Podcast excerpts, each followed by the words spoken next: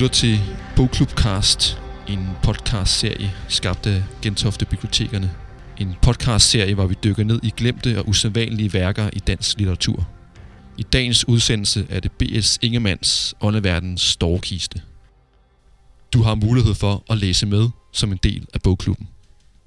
Det faste litteraturpanel består af Anders Jørgen Mogensen fra forlaget Esjo, Lasse Skjold Bertelsen fra forlaget Sidste Århundrede, og Camilla Løfstrøm, litteraturanmelder ved Dagbladet Information.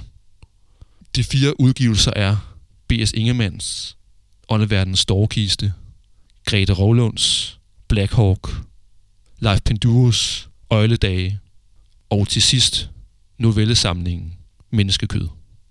God fornøjelse. Hej og velkommen til, og jeg hedder Peter og arbejder på Gentofte Bibliotekerne, og det her det er den første podcast ud af i alt fire, hvor vi dykker ned i nogle øh, særlige og øh, usædvanlige og glemte værker i dansk litteraturhistorie. Og foran mig sidder et øh, litteraturpanel, og jeg lige præsenterer jer alle sammen. Det er øh, Camilla Løfstrøm, anmelder ved Information, og Anders Jørgen Mogensen fra forlaget Esjo. Og så har vi øh, Lasse Skjold Bertelsen fra forlaget Sidste Århundrede. Velkommen til jer. Tak. tak. Mange tak. Og tak, fordi I har lyst til at være med. I bliver jo simpelthen det gennemgående, det gennemgående team, kan man sige, i løbet af de her fire arrangementer, der kommer til at være, og podcast. Og i dag skal vi jo have fat i øh, et værk af B.S. Ingemann, Åndeverdens Storkiste. Og man kan sige, øh, B.S. Ingemann er jo, i hvert fald for mig, og sikkert også for mange andre, meget kendt for sine øh, salmer. Jeg støder på ham til, til jul, hvor man synger måske Dejlig af jorden, eller Glade jul. Og husker også øh, ham for i, i Østen stiger solen op, som er mere sådan børnevenlige sange, øh, salmer. Og så er der noget med hans historiske romaner, som man også er ret kendt for. Men den her bog, jeg sidder med i hånden her, er noget anderledes, end hvad jeg før har læst af ham. Og udfordrer måske også lidt øh, det syn, man, øh, almindeligt kendte syn, man har på B.S. Ingemann. Og øh, det er jo noget gys, vi har med at gøre. Det er nogle skræk romantiske fortællinger. Og det er jo faktisk sådan, at den her samling er, er udgivet på SU og sidste århundrede, som vi jo har folk med fra i dag, så heldigt. Og øh, er en del af en serie også, serie for grotesker. Så det kunne være, Anders, at du havde lyst til måske at sige sådan indledningsvis, hvad, hvad er det for en serie, og, og hvorfor egentlig B.S. Ingemann? Ja, jamen øh, serien er jo et forsøg på ligesom at grave noget frem, som vi synes, der er manglet lidt i den litteraturhistorie, som tit er blevet fortalt, og som vi selv har lært i skolerne, øh, som egentlig er sådan nogle lidt genre-ting. Og det vil sige, det er meget inden for noget, der kunne være sådan gys og det mærkelige, den genre, som i Amerika hedder The Weird, altså det mærkværdige eller det mærkelige. Og øh, det startede med, at øh, Mads, som så selvfølgelig ikke er her i dag, han fandt, faldt over en, øh, en roman, der hed Menneskeløjet, og, øh, som vi læste, og var meget begejstret for, og så sagde vi, at vi ligesom skulle prøve at genudgive den, fordi vi synes den, den var meget moderne i forhold til, hvornår den egentlig var udgivet.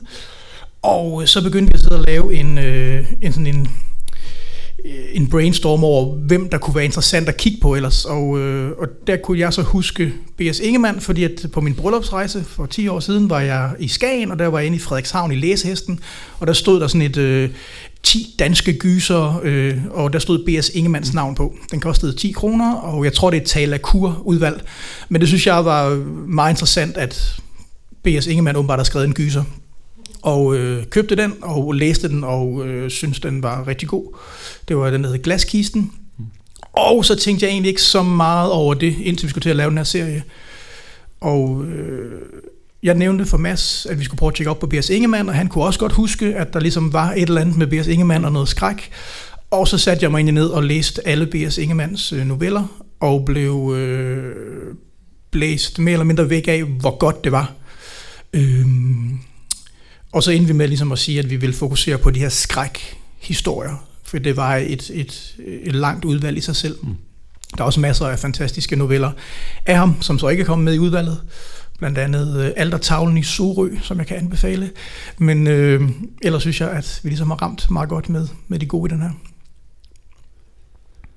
Og hvis vi skal prøve at sætte, øh, sætte Ingemann lidt ind i, øh, hvad, hvad dominerede hans, hans samtid, da de kom i de... Øh det er vel en, altså en romantisk periode, men det er jo måske også vigtigt at sige, at det er en periode, hvor man går fra at skrive øh, poesi til at skrive prosa. Øh, Øh, så den måde, vi forstår litteratur på i dag, som jo er igennem romanen og novellen og sådan noget, det er, øh, det er forholdsvis nyt, og det er de her 200 år gamle.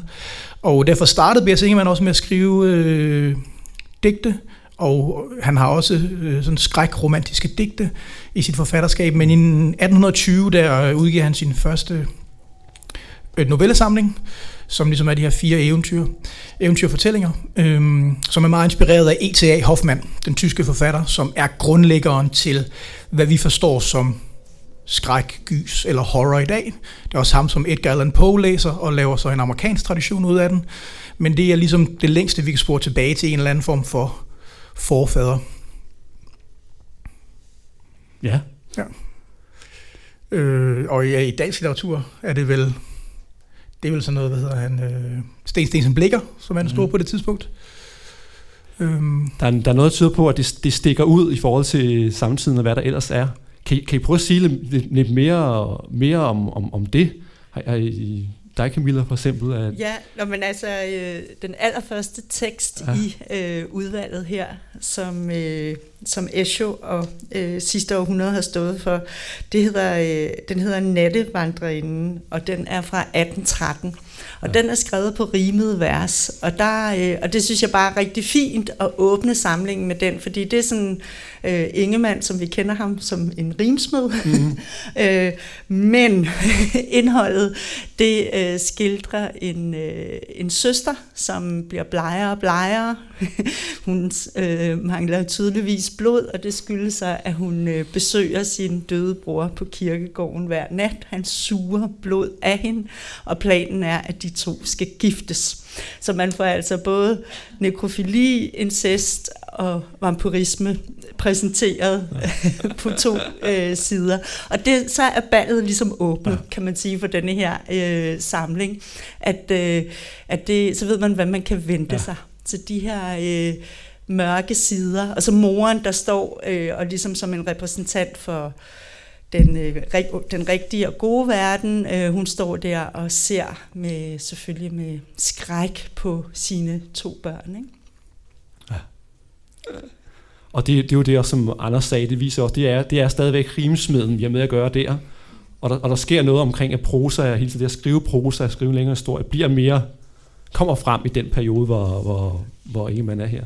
Og, og det sjove, jeg tænker på, det er jo, det er jo skrevet over en, en, en lang periode også, nu er vi tilbage i, i 1813 der med den første, men, men samlingen dækker jo helt op til 1864 altså, eller noget. Det er en meget vigtig pointe øh, i forhold til at forstå B.S. Ingemann, at det er noget, han gør igennem ja. hele sit forfatterskab. Det er ikke noget, han ligesom råder med, da han er ung, eller Nej. nu skal han lige være lidt vild, eller sådan noget. Altså det er fra den første prosasamling til den sidste bog, han udgiver, der er der de her fortællinger i, så det må have ligget ham øh, på hjerte at gøre. Mm. Men det har nok været en hård kamp, fordi at det blev meget dårligt modtaget og han blev rakket ned i anmeldelserne, og dengang var det ikke bare sådan en lille bitte notits i en avis, altså jeg tror, der er ligesom sådan, der er en anmeldelse, som er 20 sider, hvor han bare får okay. at vide, hvor dårlig han er, og hvor lærlig det er, ikke? Og han har jo så også en idé om, at hvis han så bliver udgivet i Tyskland, hvor hans store held E.T.A. Hoffmann øh, er, så kan han øh, ligesom få den respekt, som han synes, han fortjener, og den udkommer dernede forholdsvis kort efter, og der bliver han så svinet til for at bare være en, der kopierer E.T.A. Hoffmann. Så altså, det har været at løbe panden mod en mur og rejse op og, og gøre det igen. Og blive ved. Hvorfor, hvorfor bliver han ved, tror jeg, simpelthen, når han, mod, når han ligesom fik den kritik? Jamen altså, jeg læser det meget som en dualisme, der er i hele det her meget omfattende forfatterskab. Altså, i, i andre steder, som I også kender fra salmerne, så er der jo sådan en overvældende øh, mængde af lysmetaforik. Og, og jeg ser den dualisme som, at det her, det er jo det mørke i mennesket. Mm. Og at det i sig selv er altså Ingemann er både en, en, skæld, altså en skæld, men det er noget, han, som Anders også siger, det er noget, han har interesse for igennem hele sit liv. Og det tror jeg, den balancerer nogle dele i mennesket, hvor det både er en idé om mennesket, og så også noget menneskeligt i sig selv i Ingemann. Ja. Men det kunne være, det også her, det var en, en god idé at øh, tale om titlen, som I har givet øh, samlingen, altså Åndeverdens Storkiste. Ja. Ja. Det, det er fra den sidste novelle i samlingen, som hedder Fjendskab efter døden, men altså pointen er jo, at han siger, at åndeverdens storkiste, altså det er jorden, ikke? Det er hernede, hvor åndeverdenerne er sindssyge, og så når vi kommer videre i efterlivet, så er det så, at man er det rene og, og det, øh, det ikke syge, og det synes jeg er sådan en meget moderne metafor at se det på den måde, ikke? Og så det passer det også meget godt med, at vi jo ved, at B.S. Ingemann er meget troende, og det her med at være troende og religiøs, det ligger i alle hans tekster, og specielt i salmerne selvfølgelig. Ja, det at være troende er, er også at anerkende det troende i, i den her verden. Mm. Altså, at, øh, at jamen, jeg tror, jeg gentager min pointe omkring den dualisme, fordi, som Anders netop lige har point, pointeret, at, mm. at øh, øh, også når jeg nævnte, at øh, Ingemanns værk er så bredt, så er det, at han ligesom gennemgår alle dele af menneskets ja. liv, og øh, på flere niveauer også, øh, hvad sjælen er, også hvad folkesjæl er i de historiske romaner, der jo tit øh, øh accentuerer øh, historiske begivenheder og personer i, ja. i, i Danmarks sige, Det er noget mere sådan opbyggeligt litteratur, de der, ikke? Altså Danmarks bedrifter og, og så videre, ja. der bliver sat sådan en romantisk øh, stil, som vel dominerede tiden dengang, ikke? Jo. Øh, omkring hans inspirationer, altså han havde jo en rejse til, til, til Tyskland, og du nævner E.T.A. Hoffmann. Ja. Kan, kan I prøve at, at sige lidt, hvad, hvad, er det, hvad, hvad er det helt præcis, han, han får jamen, derfra? Jamen, han, altså, øh, jamen, han får jo, tror jeg, formen til ja. at, få, at, at, at skrive de her historier, og i, øh, i hans mest kendte novelle, måske som er Svinksen, der henviser han til det. Øh, hovedpersonen er i et bibliotek, hvor han tager en bog ned, som er E.T.A. Hoffmann, mm. øh, der skoldende top, altså den gyldne skål, som jeg tror, den hedder på dansk. Så der er ligesom de her henvisninger til det. Øhm, ja. Men så er han også inspireret af ammestuehistorier, og mm. øh, altså, at øh, der er sådan flere steder, hvor det der mystiske og mærkelige, øh, at der er nogle steder, hvor det sådan bliver forklaret med, at det måske bare kan være mus og rotter, eller, eller altså, så den der sådan øh, overtro og folketro og sådan mm. noget, nej, det er ikke bare mus og rotter, der er faktisk en anden verden bag den, vi kan se. Altså, så, så på den måde synes jeg også, at det er, er rigtig spændende at se, hvordan han får altså, ja, kunsteventyr, eller øh, øh, altså, øh, ja, øh, kunst ud af øh, folketroen og, og ammestuehistorierne, at de faktisk bliver taget helt alvorligt her. Mm. Ja, og så en reaktion på oplysningstiden, ikke? Mm. Og det synes jeg jo er det mest interessante ved øh, skrækgenren som sådan, det er, at man fjerner den i videnskaben, og man fjerner den fra dagligdagen, og så siger det bare, shup, så er den i vores fortællinger, og i vores litteratur, og i vores historier. Øhm, det, man kan ligesom ikke, man kan ikke komme væk fra det af en eller anden grund. Overtroen kan ikke tages væk.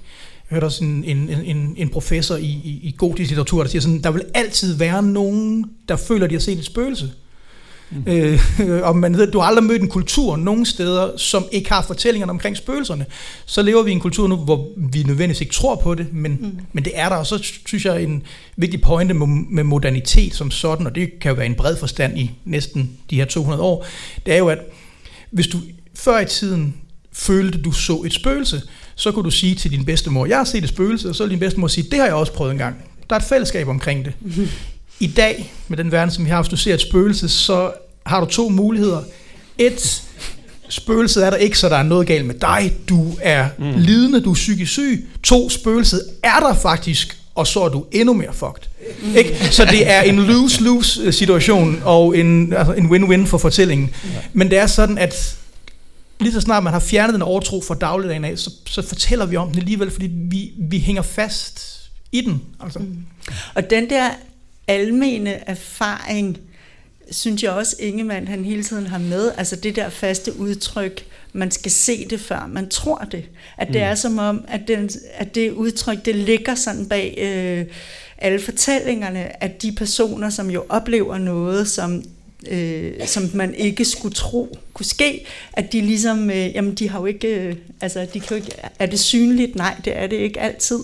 det foregår i en anden verden, ikke? Mm. Så det synes jeg også er et spændende element. Øhm, men også i forhold til det med moderniteten, øh, så er det jo også, øh, måske skal vi også til at ja, tale om nogle af selve teksterne, men mm. altså det her med, øh, hvordan de forskellige personer har flere identiteter.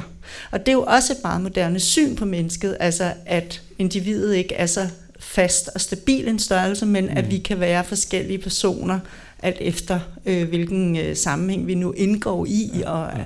så videre. Det er også meget moderne. Ikke? Mm. Kan man sige lidt om, hvad er det for nogle, sådan nogle mennesker, der er i hans historie? Hvad er det, der befolker hans fortællinger i den her samling? De er jo nogen, der minder om ham selv, ofte ikke? Altså lærte personer, ja. øh, mænd for det meste, som jo så bliver stillet i et dilemma, hvor de oplever noget, som de jo har lært af samfundet ikke skulle være der og må forholde sig til. Og øh, det møde ændrer dem. Og når man først har ændret sig, så kan man ikke komme tilbage. Mm. Og så er de også heldigvis, altså de er jo ikke så lærte, så de øh, ikke kan overtales eller overbevises om noget andet. Altså øh, Arnold i Svingsen er student, altså, så, og, mm. øh, og så er det vel også karakteristisk, at Ingemanns øh, hovedpersoner meget ofte er forelskede. Øh, det er jo altså, mm. ja, det er romantiske skrækhistorier. Ja, ja. Altså, ja. Kan vi snakke lidt om, øh, eller har I et godt eksempel på noget, som sådan Nick kan sige noget øh, om den, den måde, han ligesom har bygget sine fortællinger op på? Altså der er jo noget med, jeg er jo lidt inde på det med det virkelige og det overnaturlige. Der er også noget med de folk, som er der med psykologien. Mm. Han viser i hvert fald nogle forskellige sider af mennesket. Der er også noget, man kan tolke på forskellige måder, som jeg læser det i hvert fald. Er det, er det noget overnaturligt, eller er det noget underbevidsthed, der kommer op? Er det noget er det vanvid? Hvad, hvad, hvad, hvad sker der? Og man kan godt fare lidt vid, vild i det, synes jeg, når jeg læser i noget af det. Ja. Øh, er, der, er, der, er der ikke sådan et godt eksempel i, i, i bogen, I ligesom kan, kan trække, trække frem og sige her, og, og hvad vi har med det? Eller sådan, altså, hvad, hvad, Altså jeg synes i hvert fald, den øh, fortælling, som hedder Moster Marie, er ja. meget eksemplarisk i det, at den øh, iscenesætter fortællesituationen med en Moster Marie, der bor hos øh, sin søster, og dennes mand, som er kaptajn og selvfølgelig er væk, og så øh, to børn, Hans og Gitte. Øh, og Moster Marie, hun bliver vel sådan en, øh, ja, sådan nordisk udgave af en Scheherazade. Altså hun øh, fortæller eventyr, og hun har blandt andet fortalt de her børn øh, det eventyr, øh, som I nok kender, Blåskæg, som er et frygteligt eventyr med en masse døde hustruer inde i et rum, hvor kun Blåskæg har nøglen mm. til, og så bliver han så gift øh, igen, og så bliver det afsløret. Ikke? Øh, men det er jo, den er jo virkelig skrækkelig. Og det, der er så, øh, synes jeg, øh, raffineret ved Moster Marie, det er så, at Hans og Gitte, de har fået fortalt blåskæg. Og det kan de faktisk bruge til noget. Det er ikke bare en, fan, en fantasi og et eventyr, fordi der kommer en herhen og øh, vil gerne giftes med Moster Marie, og han får hende også øh, overbevist om, at hun skal giftes med ham. Men den lille Gitte, hun har gennemskuet ham. Hans skæg er blot. Hun kan godt se, at ham skal Moster Maria giftes med. Det bliver hun alligevel, og alt muligt. Men det der med, at hun, altså den der pointe i, at Gitte, hun kan gennemskue verden, fordi hun mm. kender eventyr. Ikke? Den kan jeg ja, godt lide. Ja. En god pointe. Ja. Er det sådan en, en historie, hvor man ville ønske, den havde en anden titel, ikke? altså det er sådan lidt, ja, ja. nu skal du prøve at læse en virkelig god, gotisk fortælling, der er uhyggelig, den hedder Moster Marie. Ja. altså man skal ligesom være et eller andet sted i ens liv, hvor man kan lægge alt det der væk, fordi at hvis man er ung og på vej ud, eller hvad der, så er det sådan lidt, det, det gider man bare ikke vel. Altså, og der var ikke nogen redaktør dengang, altså det kan man også sige, der er ikke nogen, der har sagt, kan du lige kalde det noget andet, eller hvad det skal være. Ja. Øh, så hele det her øh, exploitation, som hænger meget sammen med, med, med den genre litteratur. Altså den, den har jo ikke været der vel, så der er ikke nogen, der har sagt til ham, prøv lige at fyre op for lidt mere blod, altså prøv lige at gøre et eller andet. Og jeg tror også, det er derfor, det bliver glemt, fordi i Moster Marie er der også et, der er et spøgelse med, mm. og vi er jo vant til det sådan den grundlæggende i, i gysergenren eller sådan noget. Og det popper bare op, og så er der et ansigt, og så er det der ikke mere. Mm. Ikke? guf, det er tre linjer eller sådan noget. Og det kræver jo også noget af læseren, at man jo så kan lægge mærke til det lige den der detalje, som gør, for hvis du misser den, jamen så har historien ligesom ændret sig, ikke? Og det tror jeg også kan være med til, at, at den historie ikke har den betydning, som den burde have. Jeg tror på, at der er et parallelt univers, hvor den er stor, og alle snakker om øh, her hin og kender ham, ikke? Mm. For han burde jo være sådan en, ligesom når folk snakker om Tummelumsen og hvem det skal være. Altså det, han er mm. så stærk en figur, at det burde være en, vi brugte i vores kultur, når vi snakkede, men det er bestemt ikke tilfældet. Interessant. Virkelighedsforskydelserne, øh, det, er, det, går, det går meget igen. Der er jo den der Svensken for eksempel også, hvor, som er jo den længste øh, fortælling, som, som er inde, som vi også var inde på før. Og, og, og det er jo virkelig en, hvor han, hvor han virkelig fyrer op på nogle forskellige fortællerplaner.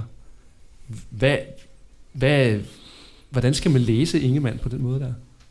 Hvad vil han gerne fortælle os med det, tror jeg? Jeg tror, han vil fortælle os det, som, som er en meget moderne tanke, at virkeligheden er ikke stabil. Altså den er øh, glidende, og det er jo noget, som vi jo egentlig, eller jeg i hvert fald troede, nu skal jeg passe på med at trække andre med ned, men som har ligesom lært, at det var noget med postmodernismen, og det var noget med, der kom i 1960'erne, og ligesom fik deres, det store folkelige gennembrud, sådan i måske 1990'erne eller sådan noget, og så det jeg oplevede, det var i hvert fald, at, at lige blev min forståelse for det, rykket mange hundrede år tilbage, ikke? Mm. eller i hvert fald 200 år. Øhm, og at, jamen, hvad det vi oplever har vi oplevet det, eller den måde, vi har opfattet det, vi oplever på, var det virkelig sådan, det skete?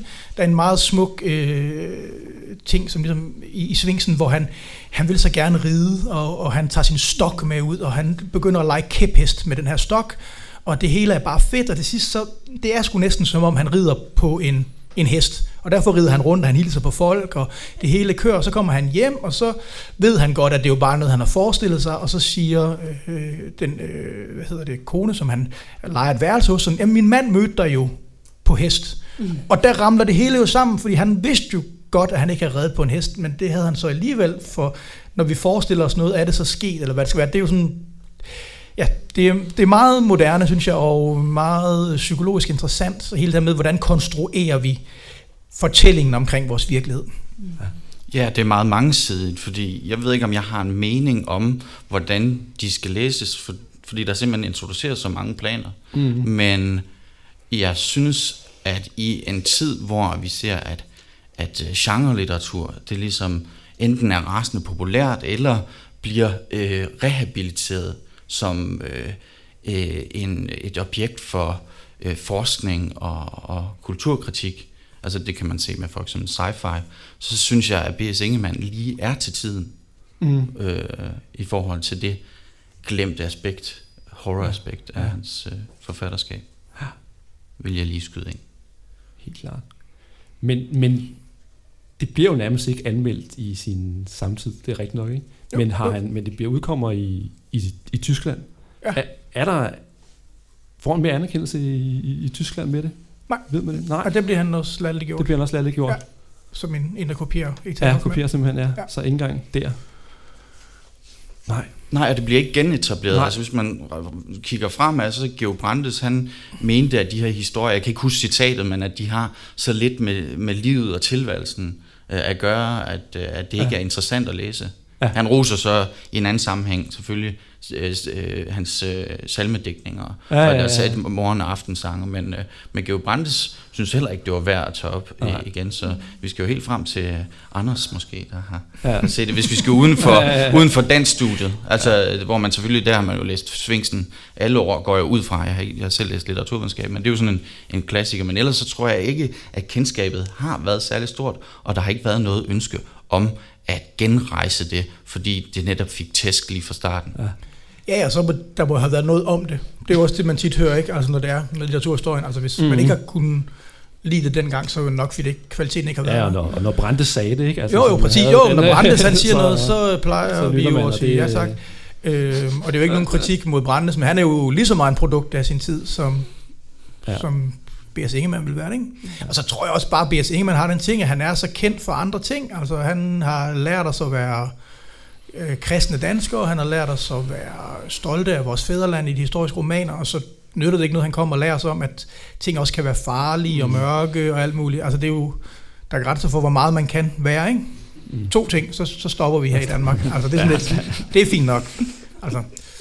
Men jeg synes også, det er spændende det der, at han sådan set øh, også formidler genren, altså introducerer, introducerer øh, genren. I den her Svingsen, som vi har vendt tilbage til nogle gange nu, der er, øh, er Arnold, som er student, han har fået købt den her stok af en gammel kone i Hamburg, og øh, der er øh, skåret sådan en, et svingshoved på, øh, på toppen af den stok, og der er altså noget med den. Der er noget magi i den. Og øh, han kommer op på et slot hos en øh, smuk øh, grevinde, og øh, der får han lige sådan en lille rundvisning, og det er faktisk også sådan en, øh, kunne man sige, sådan en guide til læseren om, hvad, hvad det er for en genre. Øh, jeg kan bare lige læse et par linjer. Altså, de går rundt der på mm. slottet.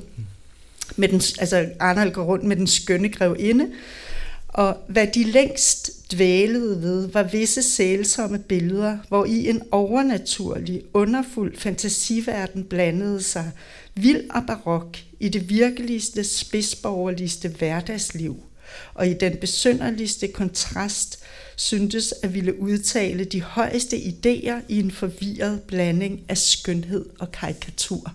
Altså der er jo sådan en ret fin øh, genrebeskrivelse også, og det der med, at øh, Arnold finder Hoffmann på hylden, og, øh, ja, og blåskab bliver nævnt og sådan noget, så på den måde så... Øh, og det er, jo, altså, det er jo igen sådan et moderne træk, mm. altså det der med, at det samtidig også er metalitteratur, ja. og, øh, og også altså hele tiden fortæller læseren, det er de her genreforventninger, du skal have til teksten her. Ikke?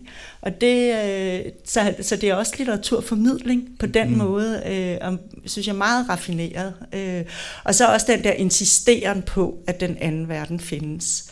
Og øh, de, den måde, som de her øh, personer bliver overbevist om det på, er jo ofte igennem forelskelsen, er det ikke? Altså det der med, at hvis man ligesom...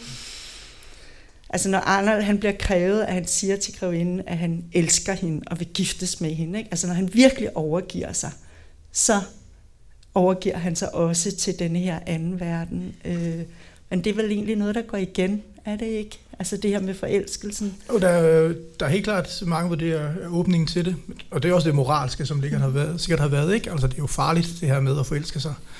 Og det har nok også passet godt ind i en samtid, hvor med fornuftsægteskaber og, og hvad det skulle være. Så der, det er åbnet op til en farlig port, hvis man følger sine følelser. Mm. Ja, hvilken dårer. Det er derfor, at dit valg af, af titlen også er, altså at langt de fleste mennesker er underlagt deres egen dårskab. Men det er ikke sådan fordømmende, det er ikke øh, hvad hedder det, kynisk som en senere Schaffi, eller hvad nu, altså, det, det, der er en, øh, det, øh, Ingemann fagner det hele, fordi der er også en, en kærlighed til de her mennesker, men han udpeger også, hvordan at alle mennesker måske i bund og grund kan være idioter for, de, for deres, øh, og, og til, hvad kan man sige, underlagt ja, deres egen dårskab. Og, ja, fordi og, det hører... Griller. Ja, ja, fordi det hører måske også med, altså når du siger det der, Anders, med at to ting er for meget, altså så kunne man også bare sige på hver enkelt fortælling, at den gør jo også virkelig mange ting, for udover at gyse og forskrække, så har nogle af dem jo også nogle komiske elementer. Ja, altså, ja. der er virkelig også en latter, Ja. Og, øh, og så øh, psykologien, som er virkelig avanceret, skildret, og sådan, så der er så meget at komme efter i forhold til ja, oplevelsen af at være menneske, eller altså at vi både har latter, og vi har gys, og, øhm, og, og så den der øh, besværlige psykologi, ikke? I også er udstyret med. Der har altså altid været en stor sammenhæng mellem gyset og, og latteren, ikke? og jeg tror også, at den måde, som de her historier har været tænkt, var jo, at når man havde sit middagsselskab med alle de andre, øh, så kunne man efter maden ligesom lige slukke nogle sterinlysene, og så kunne B.S. Ingemann få lov til at fyre op for noget af det her. Og så kunne damerne sige, uh, og mændene kunne sidde og se ud, som om de ikke var bange for det, og så havde man ligesom fået, fået smidt noget ind, for der var nogle grænser, der var blevet, der var blevet brudt, ikke? men som også var med til så at, at, at lette stemningen. Ja. Øhm, men der er nemlig meget komik i det. Og det er jo... Også den der scene, du beskrev før med Arnold, der forestiller sig, at han rider og sådan noget. Altså, den ja. er jo virkelig, altså, den er virkelig komisk beskrevet. Og, ja, men der, ja. der er også nogle, altså, der er sådan noget falde, halen, falde på halen komik også. Altså, en, der falder ned ad trapperne. Og sådan. Ja, ja. Altså, ja, ja. der er virkelig nogle, øh, nogle komiske elementer også, ikke? Er det, er det noget, han har, også har optrådt med, tror jeg? Er, er, det, noget, er det blevet fortalt mundtligt i, i, i forsamlinger? Øh, jeg tror ikke, man tog ud ligesom og læste op for et publikum, men øh, jeg tror, man havde en tradition for dengang, Ja. ligesom når man mødtes og, og læste historier op for hinanden. Ja. Øh, men det er jo slet ikke på den måde, som vi forstår litteratur Nej, på i dag. Man havde det dengang, altså. Og der har jo været meget få, der måske har kunnet, altså bare kunne læse det, ikke? Altså det har jo været for de lærte og for de indvidede. Ja. Så man kunne grine lidt af, hvordan de, de naive og ulærte, de, de tænkte omkring de ting her, og være fascineret af det. Mm. Fordi de jo også, de, de uddannede havde jo en nærmere, eller en, en større kontakt til det overnaturlige, mm. tror jeg, man følte, og derfor var det der med, at man sådan kunne være fascineret af det, og også føle lidt afsky for, for de her armestue-historier, ikke? Men så er der jo, altså så er der også et forsvar for digtekunsten helt. Øh, altså at Arnold i Svingsen, han er jo digter også, altså udover at være student, så det han øh, skriver og det han oplever, det blander sig sammen, ikke? Og, øh, og det her med, at han jo, øh, altså grunden til, at han har så svært ved at, at overgive sig til fantasiens verden, det er jo selvfølgelig også, fordi han har fået at vide, at det kun er ja, ammestuesnak og, og noget, som digtere kunne finde på at tro på. Ikke? Og sådan, altså, så der er virkelig også sådan en, øh, et forsvar for fantasien, men jeg tænker også, at det på en lidt anden måde, end hvis man... Jeg kom bare til at tænke på... Øh, altså sådan fantasien, øh, nu de her fortællinger er tydeligvis ikke skrevet til børn, men øh, hvis man tog sådan noget som, altså den måde H.C. Andersen bruger øh, fantasien på, øh, jeg kom til at tænke på sådan noget som den lille Idas blomster, ikke? hvor der også er en student, som er spændende. Mm. altså det er jo meget, ja, øh, de der studenter, de er spændende både hos Hoffmann og Ingemann, men også hos hos Andersen.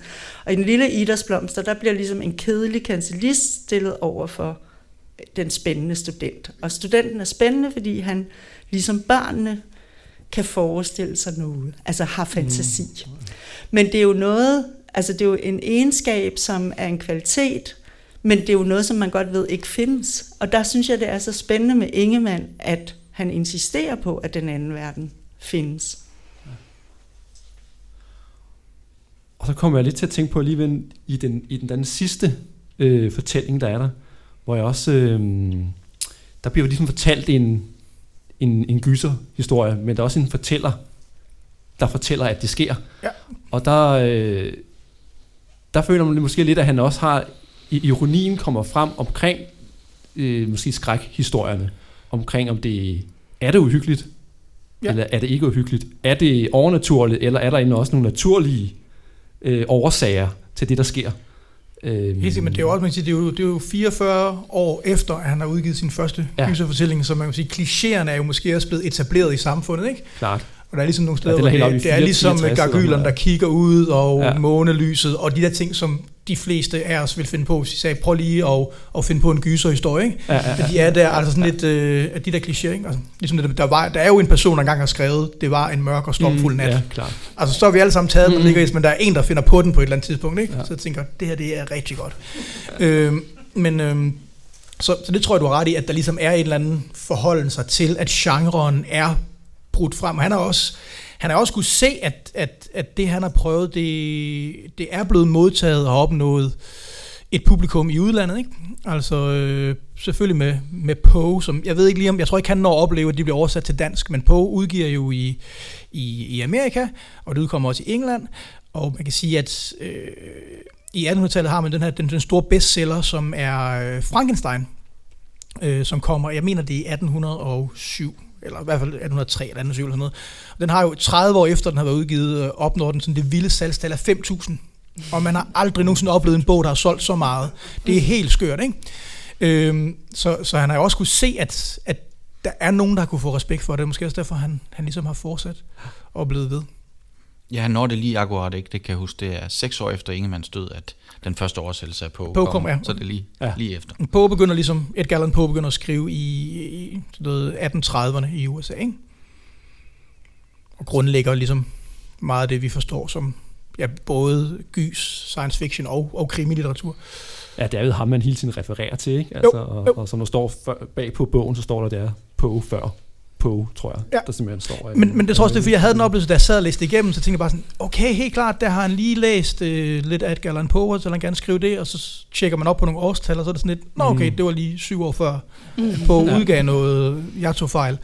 Og det kan jeg, jeg kan godt lide at tage fejl, nemlig. Øhm, Og det er jo, det er jo faktisk jeg selv ret øh, fantastisk, og, og giver jo en anden øh, indblik på litteraturhistorien. Hvem har han banet vejen for, hvis man skal se sådan? Hvem er... Ingen. Altså det har han ikke, fordi han, han, er, han er jo ikke blevet taget Nej. op. Der er ikke nogen, der har sagt, Nej. det er inspireret af. Altså masser af salmedigter. Ja. Og jeg tror, at hvis man har skrevet historiske romaner, nærmest frem til altså for 50 år siden, så har det været den vej, man kiggede, men ikke på de her type historier. Nej. Men er der kommet noget, hvad er der, så, hvad er der, hvad er der kommet, det er jo blevet mere etableret genre, hvis man kigger længere frem i, hvad er der, der minder om senere?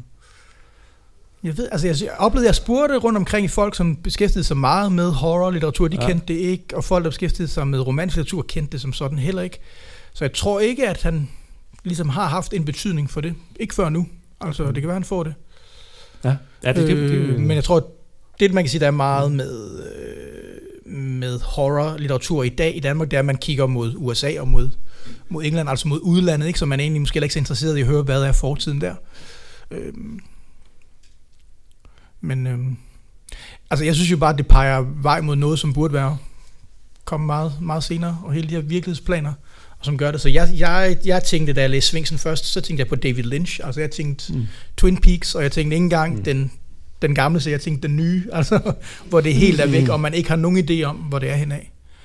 Øh, og, og hvad der sker. Fordi at, at det, det, som er så specielt ved Svingsen, er også, at, at han præsenterer den der med, vi, vi kender jo alle sammen fra den fantastiske litteratur, at, at øh, hvad skal man sige, man kravler igennem klædeskabet i... Øh, C.S. Lewis' bøger, ikke? Altså, du skal igennem noget for at komme mm. hen til den der verden. Du skal gøre et eller andet. Du skal spise et serum, eller du skal åbne en kasse, som så åbner det. Men det, som B.S. Ingemann har fattet, som er det, man tager rigtig meget op i, i, i USA i sådan noget 1920'erne med øh, Lovecraft og hvad det skal være det der, det er ideen om, at du bare lige drejer hovedet lidt, og så er der en anden virkelighed. Der skal ikke mere til. Den er der parallelt med den virkelighed, vi har. Og det er, er, er meget interessant, at der bare lige skal den her sådan ene ting til. Og der er også den her meget vilde scene i, øh, i Svingsen, hvor han sidder på et værelse, og så kommer der en mand op, og så siger han, jeg har slået dig ihjel før. Mm. Ikke? ja. Og den er så vild, fordi at normalt, så vil vi sige, når noget skulle være hyggeligt, så er der nogen, der kommer og siger, Bøh! og så, det er uhyggeligt. Eller en, der kommer og siger, nu vil jeg slå dig ihjel. Det er også uhyggeligt, fordi at det er ikke så rart at opleve. Men der kommer så meget i fortællingen, når det er, jeg har slået dig ihjel før. For så sidder han, jeg er jo live nu, hvordan kan jeg være det, og hvad mener du med det, og er det sket? Men han har jo oplevet så meget før, som han ikke troede, der var sket, som var virkeligt. Så, så det er sådan nogle bitte, bitte små ting, som, som virkelig viser, hvor dygtig han er som forfatter, og hvor moderne, eller der er også noget pjat moderne, måske hvor, hvor eviggyldig han er, ikke? Og det er jo også det her øh, dobbeltgængermotiv, ikke? Altså, mm. at øh, Arnold han begynder selv at få mistanke om, at han nok har en dobbeltgænger. Øh, og der synes jeg også, det øh, er så spændende, det der med, at han ser sit eget ansigt, altså som et, øh, et af gysene i, ja. øh, i fortællingen. Altså, hvor at det der med, hvis man skulle sige, om han har banet vejen for nogen, altså, jeg, øh, altså ligesom du, Anders, kommer til at tænke på film, altså det er jo også, altså dobbeltgængermotivet i, findes jo i masser af rigtig gode film, altså også i Fight Club og alt sådan noget, altså hvor det, øh, at det, den ene verden ikke kan eksistere uden den anden, ikke? Øh, og, og også, at de er så tæt på hinanden, ja. Og også anderledes relaterbart i forhold til det, hvordan det er at være menneske. Altså, jeg kan ikke sige, at det gælder for alle os i det her lokale, men hvis I mødte en, der tilnærmelsesvis lignede os lidt i, i ansigtet og havde det samme tøj på, mm. så ville vi jo beramt af den eeriness i den her virkelighed, i den her verden, øh, som ikke er det samme som at skulle konceptualisere, hvad det vil sige, at jeg har set et spøgelse, eller øh, det, det, jeg tror, det er meget relaterbart. Men kunne man tale om måske, at nogle af de her personer, at det der møde med den anden verden, at det også er et uskyldstab, altså... Altså, at de får indblik i noget, som de ikke havde indblik i tidligere. Der er i hvert fald... Altså, altså der, jeg kan bare tænke, at der er sådan en sammenligning et sted med en, der ikke vil stå ligesom Adam efter faldet. Ikke? Altså, okay. så der er sådan en direkte øh, sammenligning med det største uskyldstab, vi kender i den vestlige tradition i hvert fald. Ikke? Øhm, jeg synes, der er noget... Øh, noget uskyld, der også øh, bliver tabt. Altså, ja, og som, som også er knyttet til det der med den der fantasi og forestillingsevne, altså som måske i andre fantastiske fortællinger bliver set som en kvalitet, som barnet har, og så mister man det efterhånden. Hvor her der er det jo voksne mennesker, der tager det, den åbenhed med sig og erfarer noget i den anden verden, og dermed bliver anderledes. Jeg bliver anderledes, fordi det ikke er en konkret indsigt, men derimod en udsigt, der udvider ens syn. Altså det er ikke en erfaring, der tager sig med, nu kan jeg leve på en anden måde. Nu, ah, det er sådan her, det hænger sammen. Nej, jeg forstår, jeg forstår, hvor lille jeg er som menneske måske, ja. i den, øh, et gudsblik, eller altså... Det er kigge ned i afgrunden, eller ja, ja, ja, det, er ikke, ja. det er ikke sådan, nå okay, sådan hang verden sammen. Nej, det er sådan er det ikke. Kig ned i afgrunden, og dobbeltgængeren kigger tilbage. eller, ja. Men det er jo også, altså det er jo også, øh, altså måske den der meget... Øh, øh, komplekse psykologi, som de her øh, personer også bliver beskrevet med, ikke? Altså, som, øh, som er avanceret og spændende, altså mm. fordi der ikke er... Øh, øh, altså fordi, ja, fordi der er kæmpe uvidshed, altså øh, hele tiden, om hvis, altså hvis, hvis der kan ske det der med, at man bare lige drejer hovedet en lille smule, og så er der en helt anden verden, altså så har man jo åbnet for alt. ja, også det møde, når man snakker om psykologien, altså i folklore og altså de her eventyr, så er det jo nogle gange sådan arketyper, og, og algorien er sådan relativt fast, mens at det her, det er jo, nu ved jeg ikke, hvor meget Ingemann var, det ved jeg ikke ud blandt mennesker, men der, det, er jo, det, er jo, det er jo en, kombine, en kombination af menneskekendskab og så kendskab til, hvad det er, der ligesom ligger ovenpå af faste strukturer, for faste øh, øh, øh altså fortællestrukturer, genre, øh, troper og den slags. Altså det, der er en kombination, så jeg synes egentlig, det er ret vildt, at han syn, laver en syntese af det hele, så, og er så bred, men det vidner hans øh, forfatterskab jo også om. Altså det, det er jo helt vildt bredt. Ja, ja. Altså. det er jo virkelig en, en, en, en som vi starter med at sige, en, en ny side af ham, som af mærk, mærkværdige grunde har været overset, men som jo også er værd at nævne, er, er jo et, et, et, et fuldstændig sideløbende projekt, mens han har skrevet alle øh, de kristne og byggelige salmer og de historiske sådan, og byggelige romaner, han har så skrevet det her igennem. Og, øh, og personkendskabet, synes jeg også, man ser i, i den, der er også den hedder glasskabet, hvor jeg også øh, hvor han har sådan en forretningsmands type, som han nærmest også sådan vemmes lidt ved at hakke ned, ikke? Altså sådan en følelseskold ja. øh, type, som så også lige pludselig får sin kone. Men, altså der, der, er også, altså der er også virkelig en, der stikker han jo virkelig til en... en, en, en men han er jo en moralsforfatter. Ja. Og det kan man sige, det er jo ikke særligt tit, at gyserforfatter er det. Gyser bliver tit brugt til at sætte, give ondskaben talerum, ikke? Mm. Men han er meget moralsk, altså at der kan også godt ske dårlige ting, hvis man ja. har gjort noget. Og, og ja. det, den her person i... Øh, i glasskabet er jo et vis om øh, grådighed. Altså den handler ja. jo, det er jo en belæring om, at øh, hvis du er grådig, så ender det det ender det skidt, ikke? Jo. Men det er en, en øh, mand, som, en enkemand, som altså finder en virkelig dårlig løsning, som er, at der står i testamentet, at når hans, hvis hans hustru dør og bliver, i det hun er begravet, så øh, arver hendes familie mm. hendes formue. Og så bestemmer manden jo så, at han, hun ikke skal begraves, så han beholder hende i et glasskab i sit soveværelse. Ikke? og det kan man jo godt høre en dårlig idé. og det uh, viser det sig jo så også at være, det bliver han, uh, det bliver han straffet for. Ikke? Men altså denne her uh, omgang med lig, altså som jo både, uh, vi både bliver præsenteret for i, uh, i uh, den første uh, tekst på, uh, på rim med nattevandrerinden, den, øh, der er jo også den der med Nils Dragon. Nu spurgte du til, hvad det var for en... Altså, fordi der er jo også der er virkelig mange forskellige miljøer og ja. øh, erhverv repræsenterer. Mm-hmm. altså, Nils Dragon, han arbejder på et hospital og skeletterer. Ja. Lige. Ja. ja. Som igen er jo også, det har jo været meget, meget moderne på det tidspunkt, at man har skulle gøre det for at undersøge knoglerne og anatomien og hvad det skal være, ikke? Altså, så jeg tænkte på, hvad sker der derinde, hvor man ligesom kaster de her lige op og, og koger dem for... Og man, det er også sjovt at tænke på, fordi på det tidspunkt her, så har man jo haft et meget tættere forhold til den døde. Det vil sige, at hvis nogen døde i en familie, så havde man dem jo liggende hjemme, og man kunne komme op og besøge, og man kunne hænge lidt ud med dem og sige farvel. Altså, øh, hvor vi i dag jo vil være helt, altså nej, det, det skal vi slet ikke have noget med at gøre. Så man har haft et tættere forhold til døden men man har ikke kunne forestille sig, hvad er det, kirurgerne laver? Ikke? Og der er også mange kirurger med, for det har jo været det nye, det her med, at han, der er en person, der simpelthen kan skære noget af og, og helbrede og kan finde ud af alle de her ting. Ikke? Så det er, jo, det, er jo, det er jo virkelig videnskabsmanden her, som, som bliver belyst. Ikke? Og, og så er det jo bare... Altså, jeg har, jeg har da altid lyst til at høre en historie, hvis folk de siger, at den foregår hos nogen, der står skille til at lide. Altså sådan lidt, jamen, det vil jeg godt prøve at læse. Altså, så I skal bare sige til, hvis I kender dem. Altså, øh, hvis så læser jeg dem, og så vil jeg også godt øh, se, hvad jeg kan bruge dem til. Øh, men det er jo det her med at sætte det op i en eller anden ting, som, som kan tiltrække, ikke? Og man ved også godt, at man tiltrækker jo ved, at nogen siger, at det skal jeg ikke have noget med at gøre. For så er der jo nogen af os, der siger, så vil, så vil jeg godt. øhm, men det har ikke klart været, ja, været en undersøgelse af det moderne og det liv, vi kommer imod, og det her mystiske, fordi hvad er det, de laver? Altså, hvorfor gør man det der? Ikke? Det har jo været ugudeligt. Og så gør der jo sikkert været rigtig mange, som har synes det var meget forkert at skulle gøre det her. Men, altså, vi, men vil du prøve at genfortælle historien i Niels Dragon?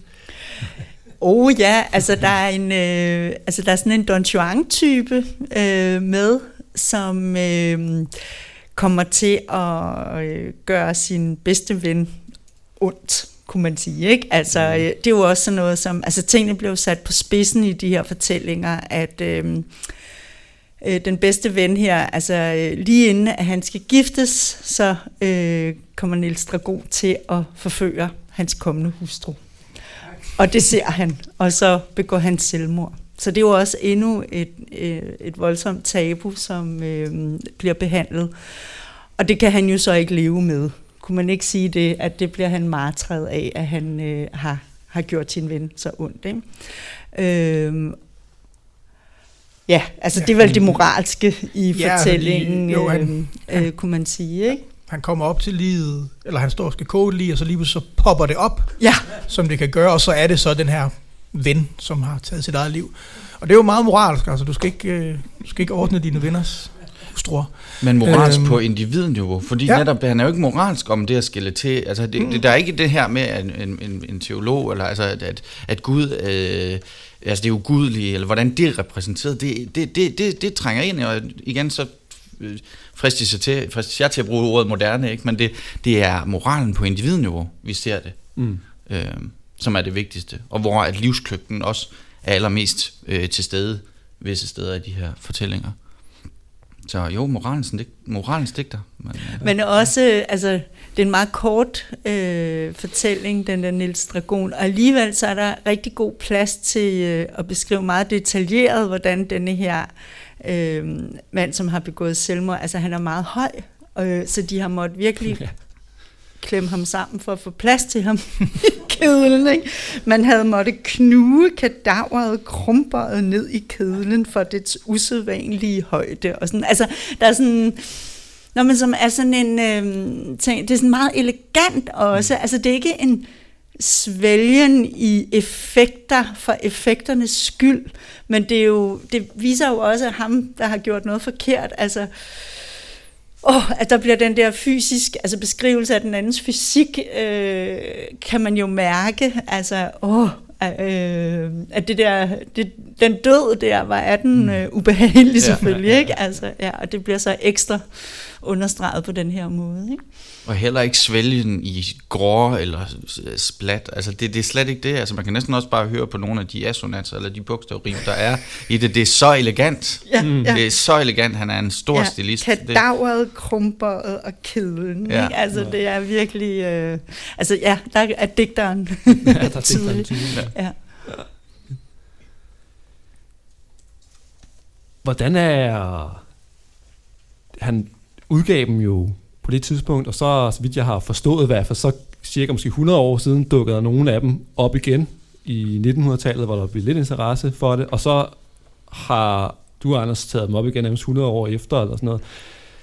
Øh, altså måske, han, eller ikke. Altså, der han har en... jo været så stor en forfatter, at der jo flere gange er udkommet samlede ja. værker. Det er jo ligesom det største, man kan opnå som forfatter, det er, at man udgiver hele lortet. Ikke? Ja.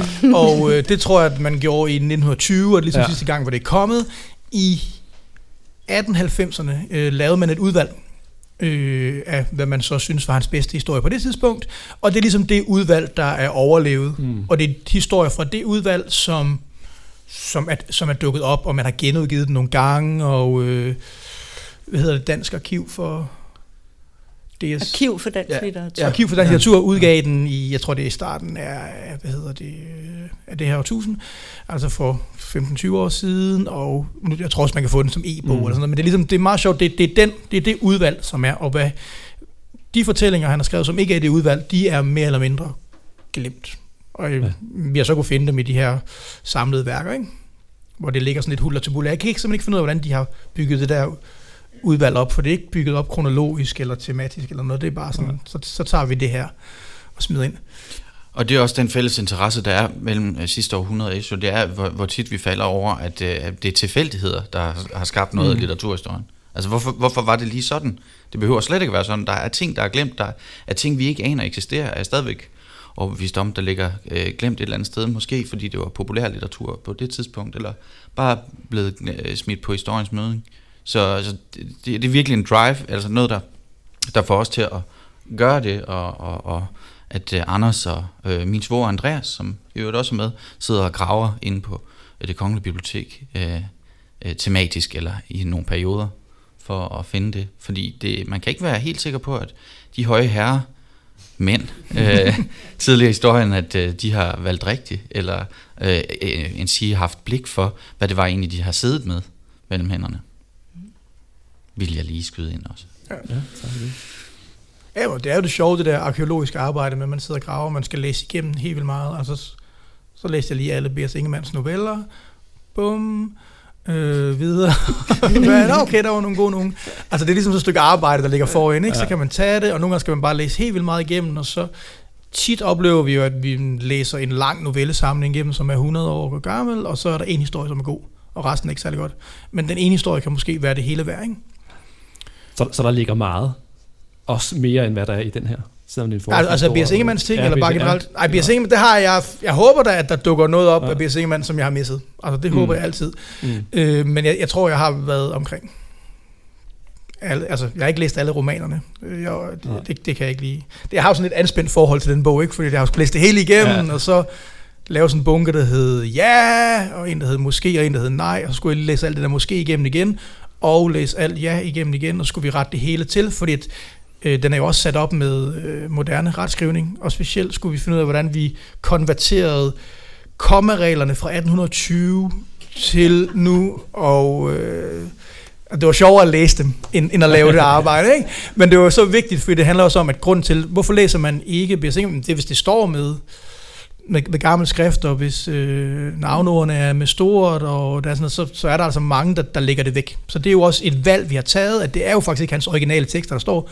Det er os, der har lavet om til moderne retskrivning. Vi har prøvet at have ordlyden så præcis som overhovedet muligt, men vi har jo ændret det, og vi har også skulle flytte en hulens masse tankestreger. Øh, fordi en eller anden grund, så var man meget glad for at sætte tankestreger gamle dage. Jeg kan simpelthen heller ikke regne ud, hvordan. Men jeg tror ikke, der var nogen regler. Altså jeg tror, det er ret sent, at, at vi ligesom får de her faste regler. Øh, det kan jeg også se, når vi læser tekster, som bare er 100 år gamle, altså fra den ene novelle til den anden, der er ikke nogen sammenhæng imellem, hvordan man laver bruger tankestreg, eller hvordan man sætter komma eller noget. Det har ligesom været højst nogle forskellige skoler, øh, man har lært, ikke? Altså. Ja, og så altså, det er udført skånsomt. Vi er ikke filologer, men uh, mig og Mads Peder Lav Pedersen, vi er uddannet for litteraturvidenskab, og, og det er med interesse for litteratur, at vi sådan mm. passer på det her. Det er jo ikke bare sådan, at vi går ind og ommøblerer det, men vi ville have, at en nutidig læser ville kunne møde den her litteratur på den bedste og mest fantastiske måde. Men vi bryder os ikke om sådan nogle gendækninger og sådan noget, vel? Nej, nej, nej. nej. Altså det er sådan lidt... Men der kan man sige, der har man jo virkelig muligheden i, i den her bog for at, at dykke ned i, i, i det, og, og, og i hele taget også i, i, i selv for grotesker, ja. som der allerede også er nogle, øh, et par bøger ud af. Ikke? Jeg tror fem i ser nu, ja, og, og flere undervejs. Ja. Og det er godt at høre. Ja. Tiden er ved at være sådan nogenlunde gået. Brænder I inde med noget, vi lige skal have til, til slut? Omkring øh, B.S. Ingemann og, og den her samling? Åndeverdens storkiste. Altså, det skal jo ikke være sådan et, et, en, en salgstale, men altså, jeg synes, at samlingen rummer sådan en fortællelyst, der veksles til læseglæde. Altså, øh, jeg synes, det er så fornemt arbejde, også som at Anders har gjort med at trage det hele igen, fordi jeg, jeg, jeg tror på, at man skal ikke være sådan, det er ikke litteraturhistorisk interessant i sig selv, det er virkelig god litteratur, som rigtig mange vil kunne få noget ud af. Jamen det vil jeg kun, altså nu kan jeg jo øh, som udenforstående, ja.